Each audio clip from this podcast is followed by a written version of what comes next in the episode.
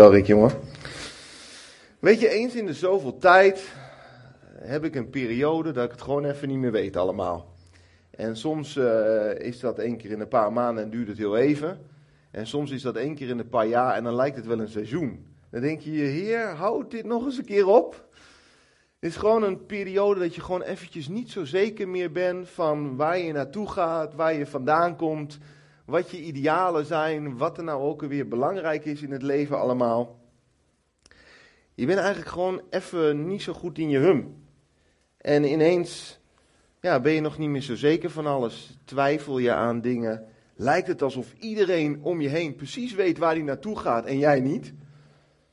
Lijkt het alsof iedereen alle antwoorden heeft en jij blijft maar zoeken. En in zo'n tijd voel ik gewoon een hoop onrust en twijfel. En um, denk je soms wat neerslachtig. Denk je, ja, komt het allemaal nog wel goed? Uh, hoe kom ik hier uit? Heer, help, eigenlijk. En je, er is ook een periode waarin je je vaak vergelijkt met anderen. Omdat je het zelf allemaal niet meer even weet, lijkt het of iedereen het wel weet. En je hebt allerlei vragen zoals, wat is er aan de hand? Wat vraagt God van mij in deze tijd? Heb ik dit alleen? Hoe moet ik in zo'n tijd handelen? Wat is Gods wil voor mijn leven? Loop ik überhaupt wel op Gods pad? En komt het wel goed met mij? En allemaal van die vragen die een brei vormen in je hoofd, hoewel je toch al niet zo helder kon denken. En je weet nog steeds wel, God is almachtig. Hij is alomtegenwoordig. Hij is alwetend. En jij niet. En dat weet je dan ook weer even. En vaak als je zo'n uh, periode doorgaat, dan heb je in het begin nog helemaal niet in de gaten wat er nou precies met je aan de hand is. Je weet het gewoon even niet. Alleen vaak is er in je onderbewustzijn van alles aan de hand. Maar voordat je daar een beetje bij komt, nou, duurt bij mij soms even. En ik, ik pak zo grip uit de woorden uit Psalm 139 en ik, in zo'n periode probeer ik het gesprek te openen met God. En in Psalm 139 staat, doorgrond mij, o God, en ken mijn hart. Beproef en ken mijn gedachten. Het is zo heerlijk alleen al om dat uit te spreken. Zeg, Heer, doorgrond mijn hart. Doe, ik kom er even niet bij. Ik weet even niet wat er allemaal gebeurt. Maar Heer, dank u wel dat u het wel doorgrondt. Is er in ieder geval iemand die het op een rijtje heeft? En ken mijn hart. Dat is, daar zit zo'n waarborg in. Weet je wel, als je, ja, soms ken je je eigen hart gewoon niet. Weet je wel, het ene moment gaat het hartstikke goed met je. En het volgende moment denk je, wie ben ik eigenlijk?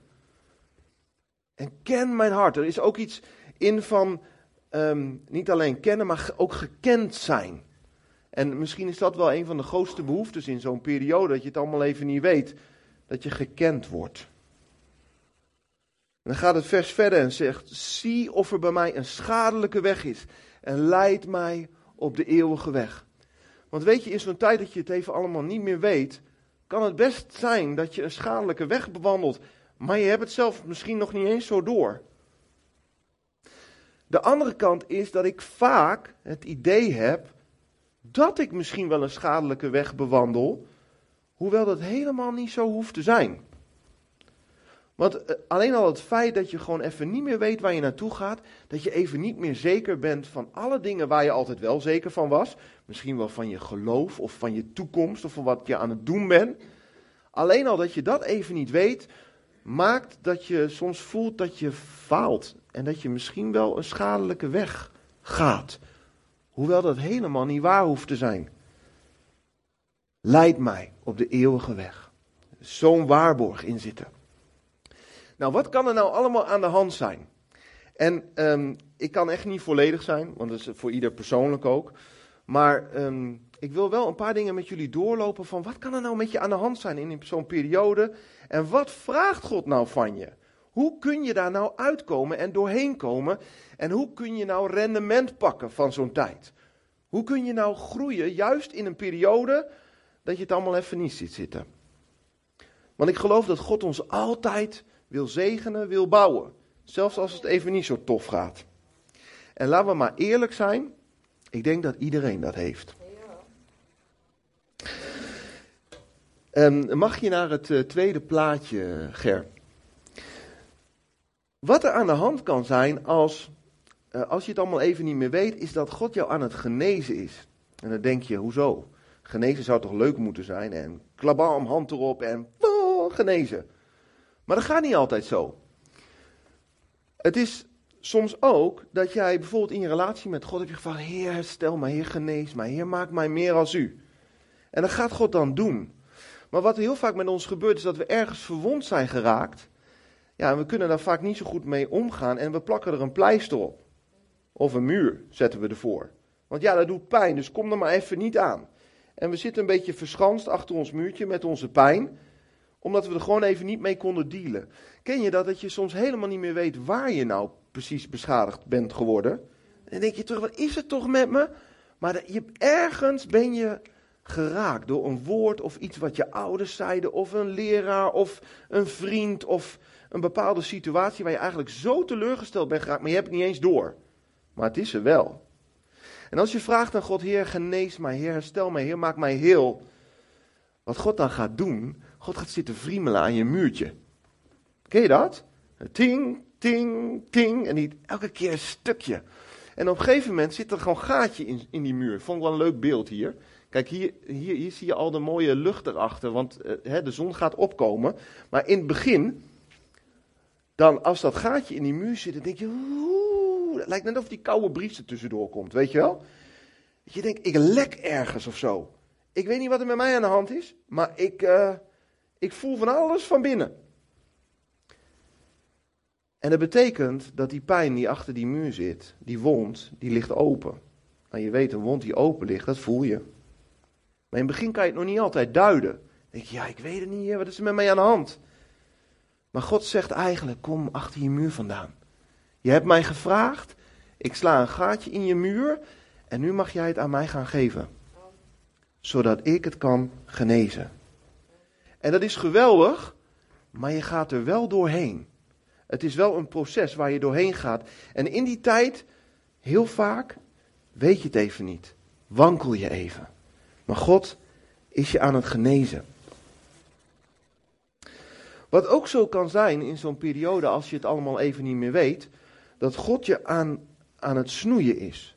En je karakter aan het trainen is. En dan mag hij naar de volgende sheet, uh, Ger. En het is zo geweldig. In Johannes 15 uh, eh, gaat over de, de, de ranken en de wijnbouwer. En er staat, iedere rank die geen vrucht draagt, snijdt hij weg. En iedere rank die wel vrucht draagt, snoeit hij, opdat hij meer vrucht draagt. En er staat er iets verder, blijf in mij, dan blijf ik in jullie. Een rank die niet aan de wijnstok blijft, kan uit zichzelf geen vrucht dragen. Zo kunnen jullie geen vrucht dragen als je niet in mij blijft, zegt Heer Jezus.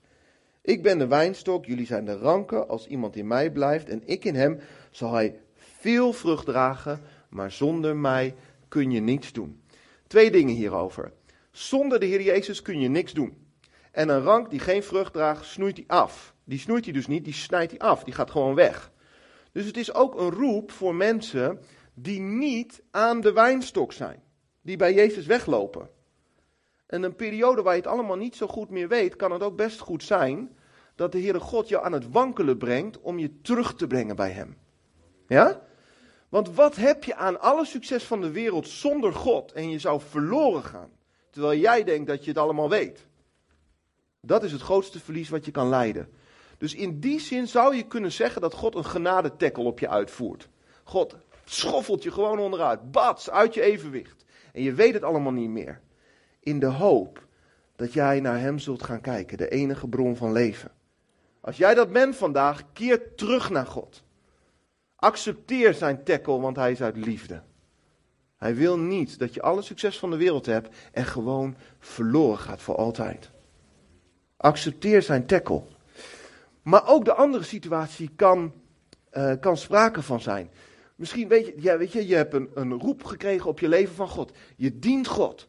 En het gaat goed, weet je. Je, je, je verspreidt zegen en je ziet vrucht. Je denkt, dank u Heer, wat gaat dit fijn. En in één keer, tjak, snoeit God je. En ik Heer, we waren nog zo fijn op weg samen. En het ging goed en hier en dit en dat. En wat heb ik fout gedaan? Waarom gaat het nu in één keer mis? Het ging toch juist goed? En de Heer God zegt, als je vrucht draait, draagt, zal ik je snoeien, zodat je meer vrucht draait.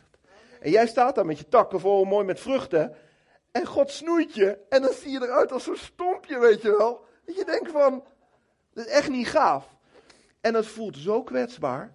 Want je weet als je gesnoeid wordt. Als je was, ik heb ooit een keer over gesproken en plaatjes bij gebruikt. Maar dan wordt je takken er dus afgehakt. Hè? Nou, dat voelt zo ongeveer als je onder de douche vandaan loopt en naar buiten loopt in deze tijd, weet je wel. Want zo'n tak, dat bloeit en eh, dat bloedt en dat is, uh, dat is vochtig en dat is kwetsbaar. En je denkt, oh Heer, help, ik weet het allemaal niet meer. Maar God is je aan het snoeien. God is je karakter aan het trainen. En God wil meer vrucht zien. Dus misschien draag jij vrucht in een bepaald gebied.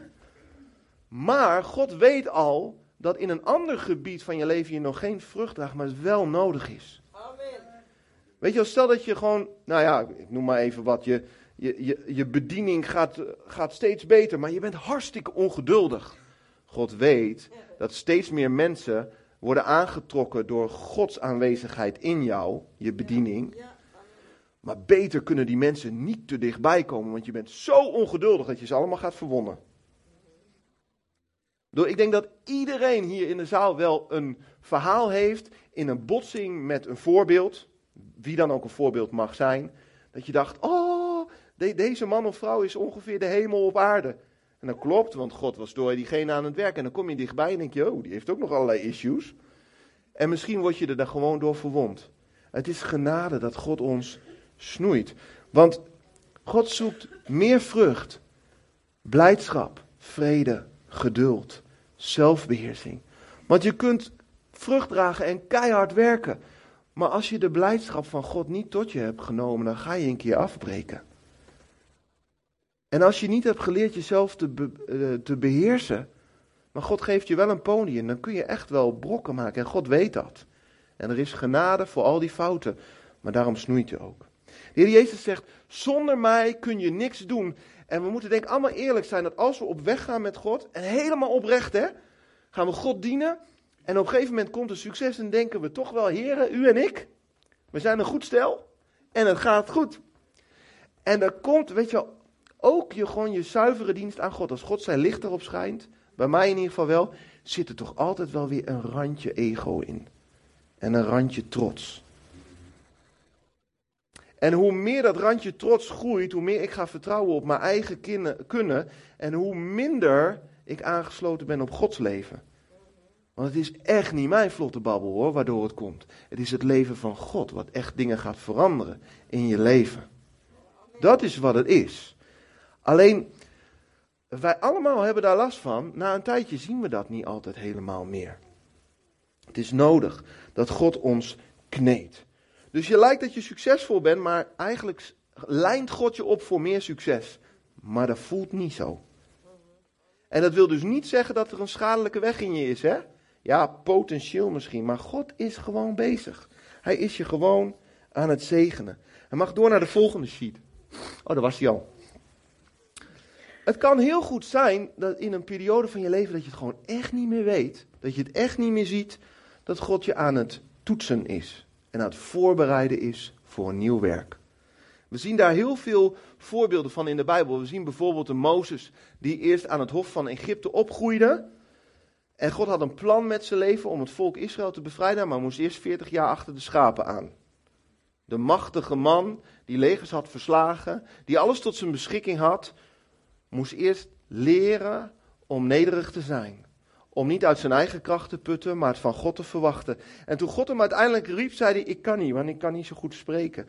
Er is iets van binnen gebeurd. Maar hij was zijn kracht niet kwijt. Hij was zijn talent niet kwijt. Hij was zijn afkomst niet kwijt. Hij had alleen geleerd om het ondergeschikt te maken aan de Almachtige.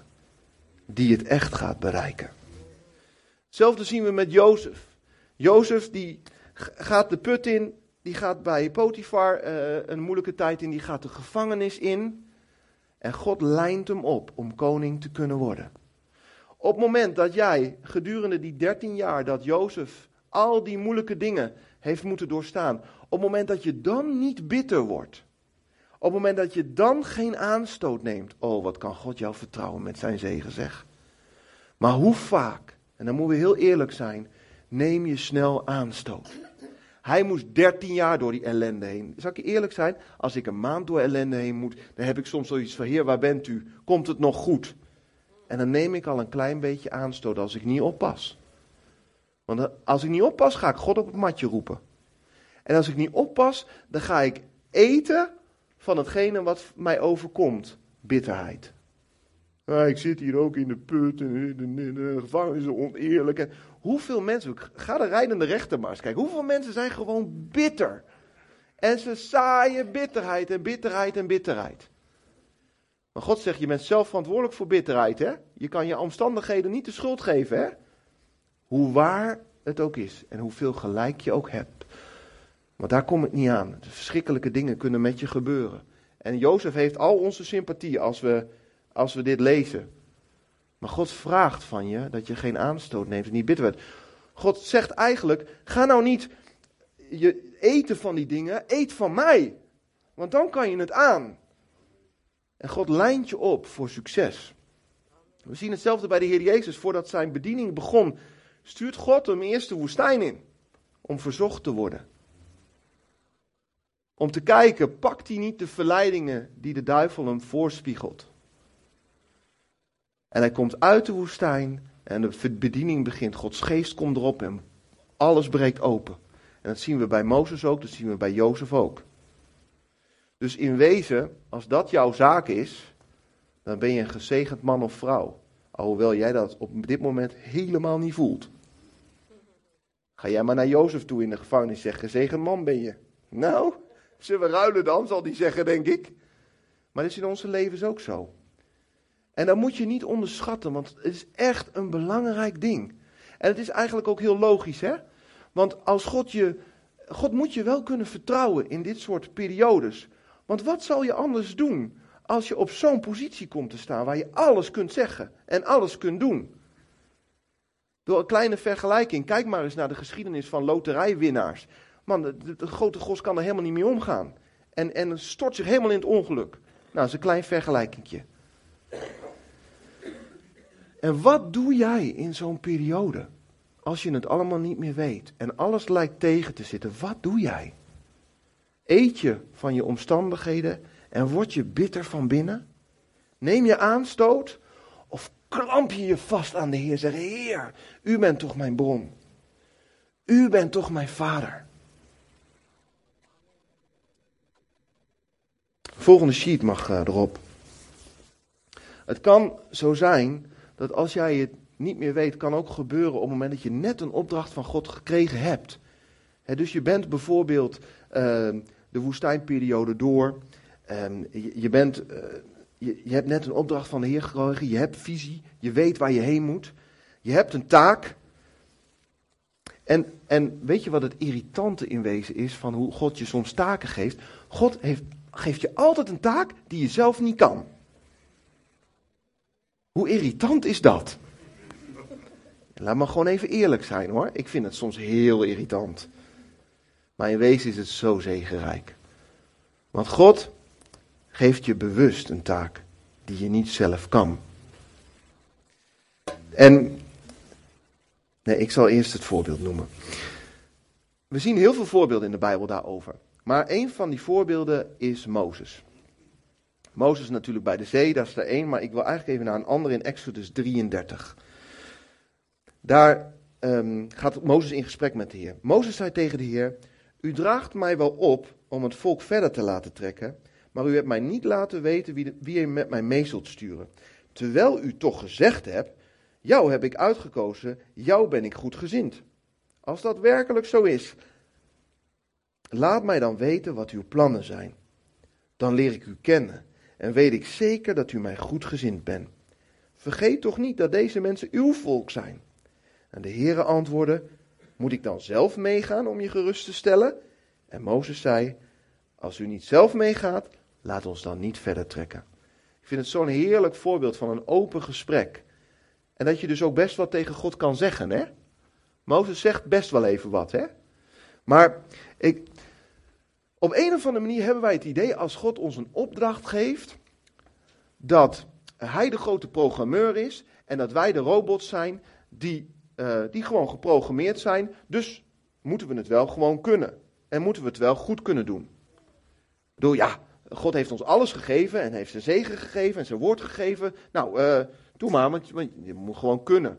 In wezen hebben wij een of andere manier vaak de kronkel dat we denken dat we het zelf moeten doen. Als God ons een opdracht geeft. En dat is helemaal niet waar. Dat is helemaal niet waar. Moet je eens kijken wat, wat hier gebeurt. Um, Mozes zegt tegen de Heer: Als het dan werkelijk zo is dat ik genade heb gevonden in uw ogen, laat mij dan uw plannen zien. Laat mij dan u kennen. En dan zegt de Heer op een gegeven moment: En als het dan uw volk, het is toch uw volk? En dan zegt God: Moet ik dan met je meegaan? Denk je nou echt dat God Mozes verwijt? Dat Mozes dat vraagt en dat God zegt: Moet ik, moet ik dan met je meegaan? Ik heb je toch alles al verteld? Je moet het nu toch wel eens een keer kunnen? En het is zo gaaf, het is een dialoog, want in wezen zegt Mozes alles wat in Gods hart is. Alles wat Gods hartsverlangen is, zegt Mozes precies. Het lijkt wel alsof God Mozes uitgelokt heeft om precies dat te zeggen. Want God wil toch dat wij een verlangen hebben om Hem te kennen, toch? God wil toch dat, dat wij erkennen dat het volk van God van Hem is en niet van ons, toch? God, God heeft toch gezegd: Ik zal je nooit verlaten, ik ben altijd bij je. Maar toch zegt God hier: Moet ik dan zelf met je meegaan? En dan, het lijkt wel of God het nog een keer wil horen van Mozes. Weet je wel? God wil het nog een keer horen, de liefdesverklaring van Mozes eigenlijk. En dan Mozes zegt het nog, nog meer bold, nog meer uitgesproken. Heer, als u niet meegaat, dan wil ik niet eens weg. Ik blijf liever hier met u. Moet je kijken wat een liefdesverklaring. In wezen zegt Mozes: Ik heb liever uw aanwezigheid dan wat voor succes ook in mijn leven. Dan wat voor stap voorwaarts ook, hoe verleidelijk ook soms. Ik heb liever uw aanwezigheid. En dat vind ik zo mooi. In de tijd dat jij het niet meer weet. En je misschien wel denkt, ja, maar ik zou het toch al lang moeten weten, want ik heb uh, allerlei studies gehad en ik ben al zo lang met de Heer en ik zou het al moeten weten. Nee, het is niet waar. God verlangt naar je roep. God verlangt ernaar dat jij zegt: Oh, maar Heer, u geeft mij die opdracht. Maar Heer, u weet, ik kan zonder iets, u niets doen. Jezus heeft het al gezegd. Heer, wees met mij, opdat ik u zou kennen. Heer, laat mij alstublieft de volgende stap zien, zodat ik u zou kennen. Het is een roep om Hem te kennen. God wil nooit dat wij een resultaat gaan halen buiten Hem om, om Hem trots te maken. God wil dat we het met Hem doen. Immanuel, God met ons. Zijn geest met onze geest. Samen. Samen. Nooit in de schaamte daarvoor. In zo'n tijd dat je het allemaal niet meer weet, slaat vaak de twijfel toe in mijn hoofd. Als ik op zo'n punt kom dat ik het allemaal even niet meer zie, begin ik gewoon te twijfelen. Begin ik te twijfelen aan wat God gesproken heeft. Begin ik te twijfelen aan wanneer het gaat gebeuren. Begin ik te twijfelen aan mijn eigen capaciteiten. Aan mijn eigen kunnen. Had ik niet al iets anders moeten doen? Doe ik het überhaupt wel goed? En ik vind het zo mooi, Jacobus die schrijft over twijfel. Jacobus 1 vers 5. Komt een van uw wijsheid tekort? Nou, dat is typisch een periode dat je dat tekort komt. Vraag God erom en hij die aan iedereen geeft zonder voorbehoud en zonder verwijt, zal u wijsheid geven.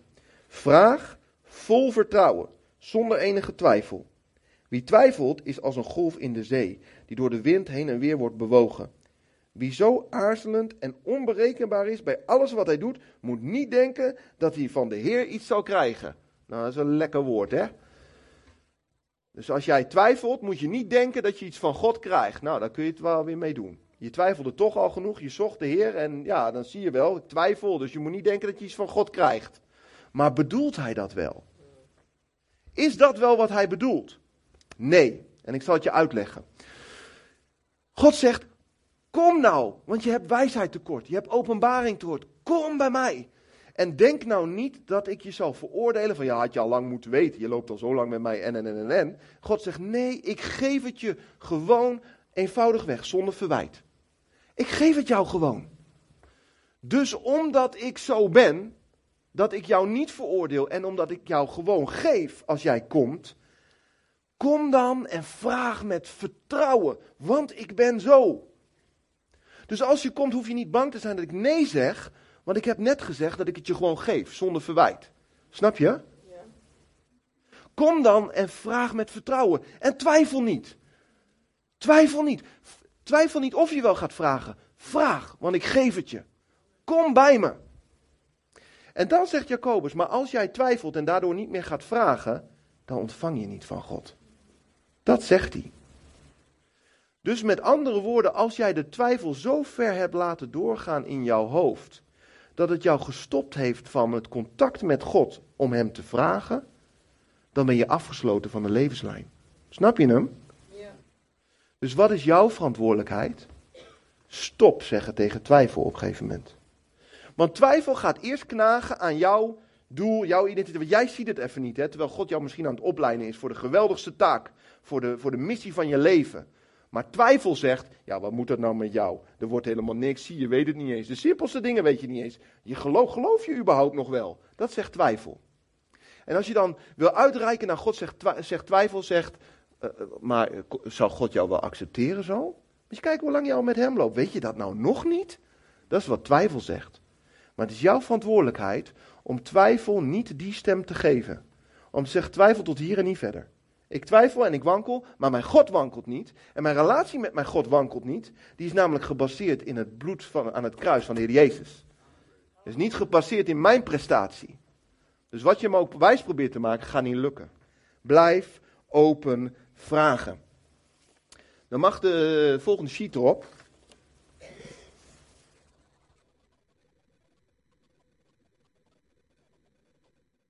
Nee, je mag hem nog één, laat maar staan. Prima.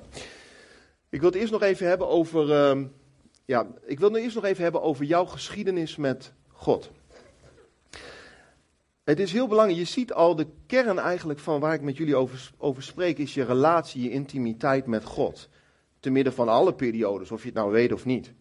En um, jouw geschiedenis met God is heel erg belangrijk. Dat je die opbouwt. En dat je daar van, um, van, die, van je eigen getuigenis kan pakken, elke keer weer. En je ziet verschillende mensen in de Bijbel die een geschiedenis met God opbouwen. David die verslaat Goliath, maar hij heeft eerst een leeuw en een beer verslagen. En hij heeft gezien, God is met mij. En hij heeft daar God leren kennen. Dus hij weet wie God is. En hij projecteert dat over de toekomst, eigenlijk. Dus als God daar en daar bij mij zo is, hij verandert niet, dan is hij nu ook zo. En daardoor durft hij te zeggen, wie is deze Filistijn wel? En hij pakt hem aan. Maar David heeft die geschiedenis ook nodig, net als jij en ik. Wij hebben onze geschiedenis met God nodig. Want als God zichzelf laat zien aan jou, en dat gebeurt heel vaak in zo'n ik weet het niet periode. Als God zichzelf laat zien aan jou, daar is daar waarde in. Want zijn aanwezigheid brengt leven. En in zo'n ontmoeting is zoveel waarde. Het is niet voor niks dat ze vroeger over de steen uh, rechtop zetten of een stapel stenen. Om te markeren, dit is de ontmoeting met God. En het is voor jou ook belangrijk dat jij de ontmoeting met God markeert. Want God heeft je daar leven gegeven en laten zien wie Hij is, zodat je dat zou weten voor altijd. En heel eerlijk gezegd, wij raken dat heel snel kwijt. Want het volk Israël raakte dat telkens kwijt. En wij zijn niet zoveel anders. En daarom moeten we elkaar daarop wijzen. En want een tijdje later heeft David allemaal overwinningen behaald. En komt er een moment dat hij een stad aanvalt en dan komt terug aan alle vrouwen en kinderen zijn weg. En zijn eigen helden keren zich tegen hem, willen hem stenigen. Moet je voorstellen, grotere druk kan je bijna niet hebben. En misschien zit je hier wel vandaag en denk je, ja, dat is mijn situatie. Veel meer druk kan ik niet hebben. En dan staat er, en David sterkte zich in de Heer. Dat is 1 Samuel 30. David sterkte zich in de Heer. Hij had de plek ontdekt waar hij zich kon sterken in de Heer. En jongens, wat heb je die nodig, die plek? Wat als alles op je afkomt en zelfs in je hoofd begint de twijfel door te dringen, wat heb je er dan nodig om de plek bij God te hebben waarin je je sterkt? En waarin je terugkijkt. Dank u wel, Heer. Hier sprak u tot mij. En ik weet nog hoe desperate ik toen was. Maar u sprak en het brak helemaal open. En daar was u toen ik in en in verdrietig was. Maar u kwam met uw troost. En daar, daar, daar wist ik het ook niet meer. En daar gaf u mij een droom. Of u gaf mij een vriend. En eh, als je zo'n track record hebt met God. Je hebt zo'n geschiedenis met God. Als je daarvan eet opnieuw. En je eet van de beloftes van God. Zeg maar, ik zal je nooit verlaten. Zelfs al ga je naar de meest verlaten plek. Ik zal je vinden, want ik ben daar, zegt God. Ik ben overal. Als je daarvan begint te eten, word je van binnen gesterkt. En kan je naar buiten toe, waar de mannen staan met de stenen. En David kreeg het voor elkaar doordat hij gesterkt was in de Heer om opnieuw het leiderschap te pakken en zijn mannen naar overwinning te leiden. Maar het was alleen maar omdat hij vertrouwde op God. Als je dan de situatie in ogenschouw neemt en je eet ervan, dan ben je er geweest. Het is gewoon afgelopen. Zo belangrijk dat wij onze geschiedenis met God pakken. Ik heb zelf ook zo'n geschiedenis. Ik, ik, ik schrijf dat op. In de periodes dat ik het niet meer weet. En dat ik het uitroep naar God. En dat duurt soms best een tijd hoor, jongens. Dat is echt niet meteen klaar of zo. Kijk, in zo'n preek hoor je vaak de geweldige openbaring. Maar de buikpijn van die vijf maanden of zes maanden die het geduurd heeft, die voel je niet. Maar dat is wel zo. dus denk niet dat het voor iedereen een successtory is. Het is net als jouw verhaal. Net als jouw zorgen. Net als jouw buikpijn. Maar het is ook dezelfde God die ook jouw uitredding wil geven. En ook jouw vader is.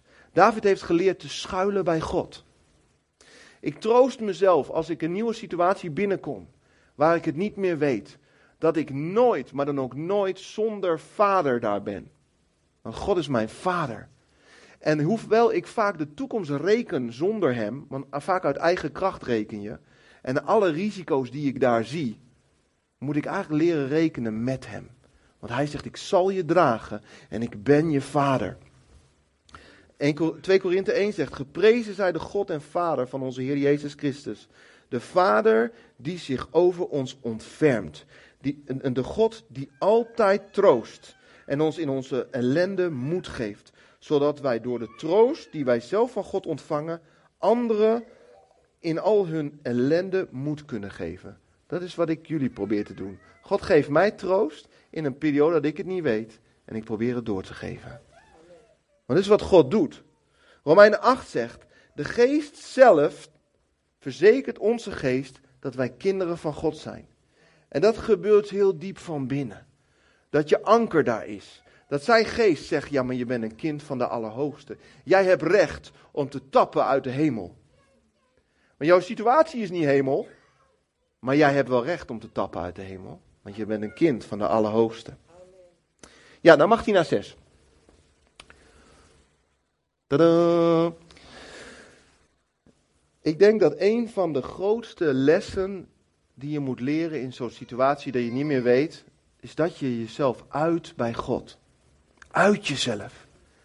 Ik denk een van de redenen dat God um, David een man naar zijn hart noemt, is omdat hart, David zijn hart altijd blootlegde bij God.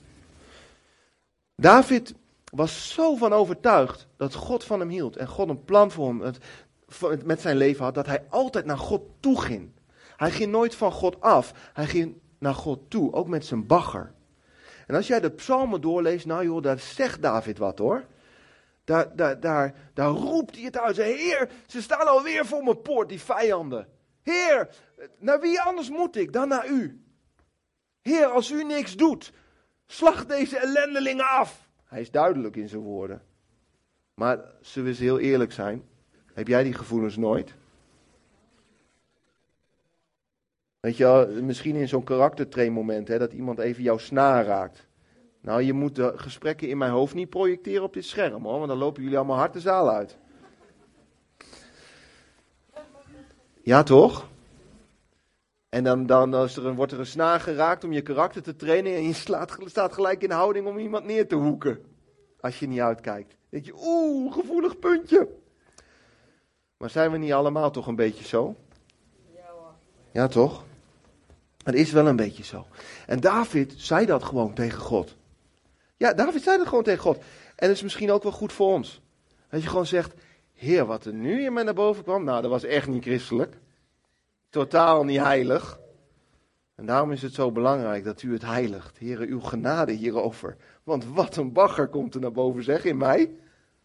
En laten we maar eerlijk zijn, we hebben dat allemaal. En hoe meer we dat voor elkaar verborgen houden, en net doen of we allemaal heel erg heilig en helemaal klaar zijn al, weet je, de minder dat er aan gewerkt wordt. Het is belangrijk dat er aan gewerkt wordt. En daarom is het belangrijk om God erbij in te laten. En David deed dat. En dat is ook voor jou belangrijk. Weet je, ik zal je zeggen, God valt echt niet van zijn troon. En hij wankelt niet op zijn troon. Als hij eh, geconfronteerd wordt met jouw zonde. En met jouw ellende. En met hetgene wat bij jou naar boven komt. Hij wankelt echt niet hoor. Hij heeft deze dingen al lang eens een keer gehoord. Hij heeft ze al lang gezien. Hij zegt, hè, eindelijk open jij het open gesprek met mij, zodat ik erbij kan. Dat is belangrijk. Uit jezelf. Bij God. Zodat God daarin kan komen. Ik vind het ook zo mooi dat als je geen woorden meer hebt. En dat is bij mij misschien moeilijk voor te stellen. Ik ben een man van veel woorden. Maar als je even geen woorden meer hebt, omdat je het niet weet, is het zo heerlijk om in tongen te spreken. Zijn geest getuigt met mijn geest dat ik een kind van God ben. En hier, weet je, hier is het een brei. In mijn hele gevoel is het een brei. Ik weet helemaal niet meer waar ik sta. Maar de geest weet wel waar ik sta. Ik ben een kind van hem. En ik begin in tongen te spreken. En ik begin het uit te spreken. En ik heb geen idee wat ik zeg, want het verstand blijft onvruchtbaar, zegt Paulus. En Paulus zegt ook dat wie in een tong spreekt, bouwt zichzelf op. Nou, dat heb ik nogal nodig in zo'n periode, toch? Dus juist in zo'n periode spreek in tongen. Als je deze gave ontvangen hebt, spreek veel in tongen in deze periode. En wees er ook van bewust dat de tegenstander wil je natuurlijk altijd, juist in deze periode, daarvan afleiden. Die probeert jouw periode te vullen met allerlei andere dingen. Uh, contacten waar je eigenlijk geen contact moet hebben. Dingen uh, die je gaat kijken die je eigenlijk helemaal niet moet kijken. Activiteiten die je gaat ondernemen die je helemaal niet moet ondernemen. Omdat je eigenlijk die leegte wil opvullen. Dat je, blijft in gesprek met God. En als je het helemaal niet weet, begin gewoon het gesprek. En als je in tongen spreekt, spreek in tongen. Want hij bouwt je op van binnen. En hij doet een bijzonder werk van binnen. En je hebt het zelf niet eens door. Je snapt het helemaal niet, maar God snapt het wel. Dat is een uiting van vertrouwen ook, hè? Dat je aan het spreken bent en het gebeurt van binnen. Dat is een uiting van vertrouwen. Je hebt er zelf niks voor gedaan. Maar dat is wat het evangelie is. Je ontvangt om niet.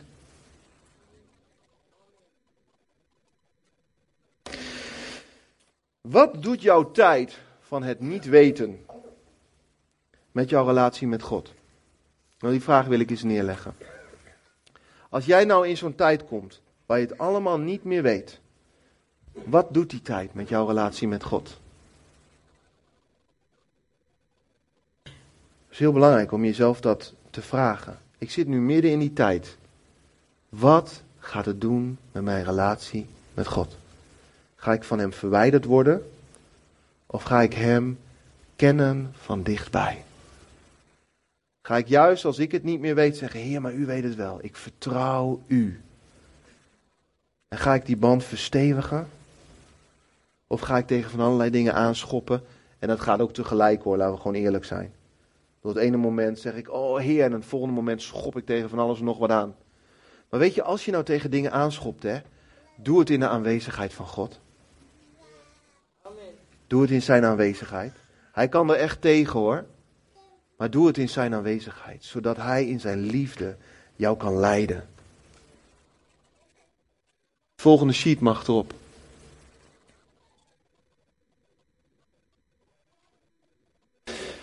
De toekomst. Op het moment dat ik mijn toekomst niet meer zo goed zie, dan zie ik vaak wel, dat is misschien mijn talent en mijn valkuil, zie ik wel de risico's. Daardoor kan ik goed managen en risico uitsluiten. Maar het nadeel is dat het soms ook wel eens de hoop eruit wegvliegt. En God zegt: Ik heb een hoopvolle toekomst voor je.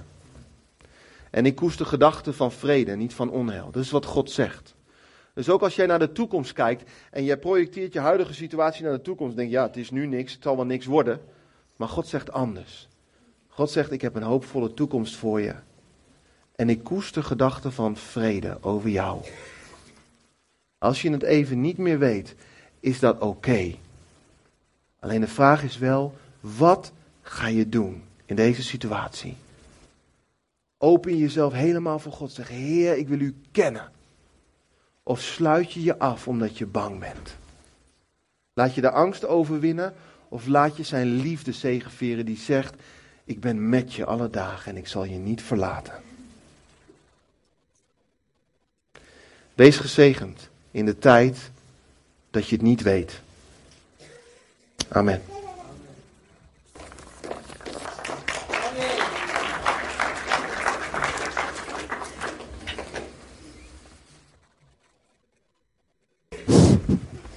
So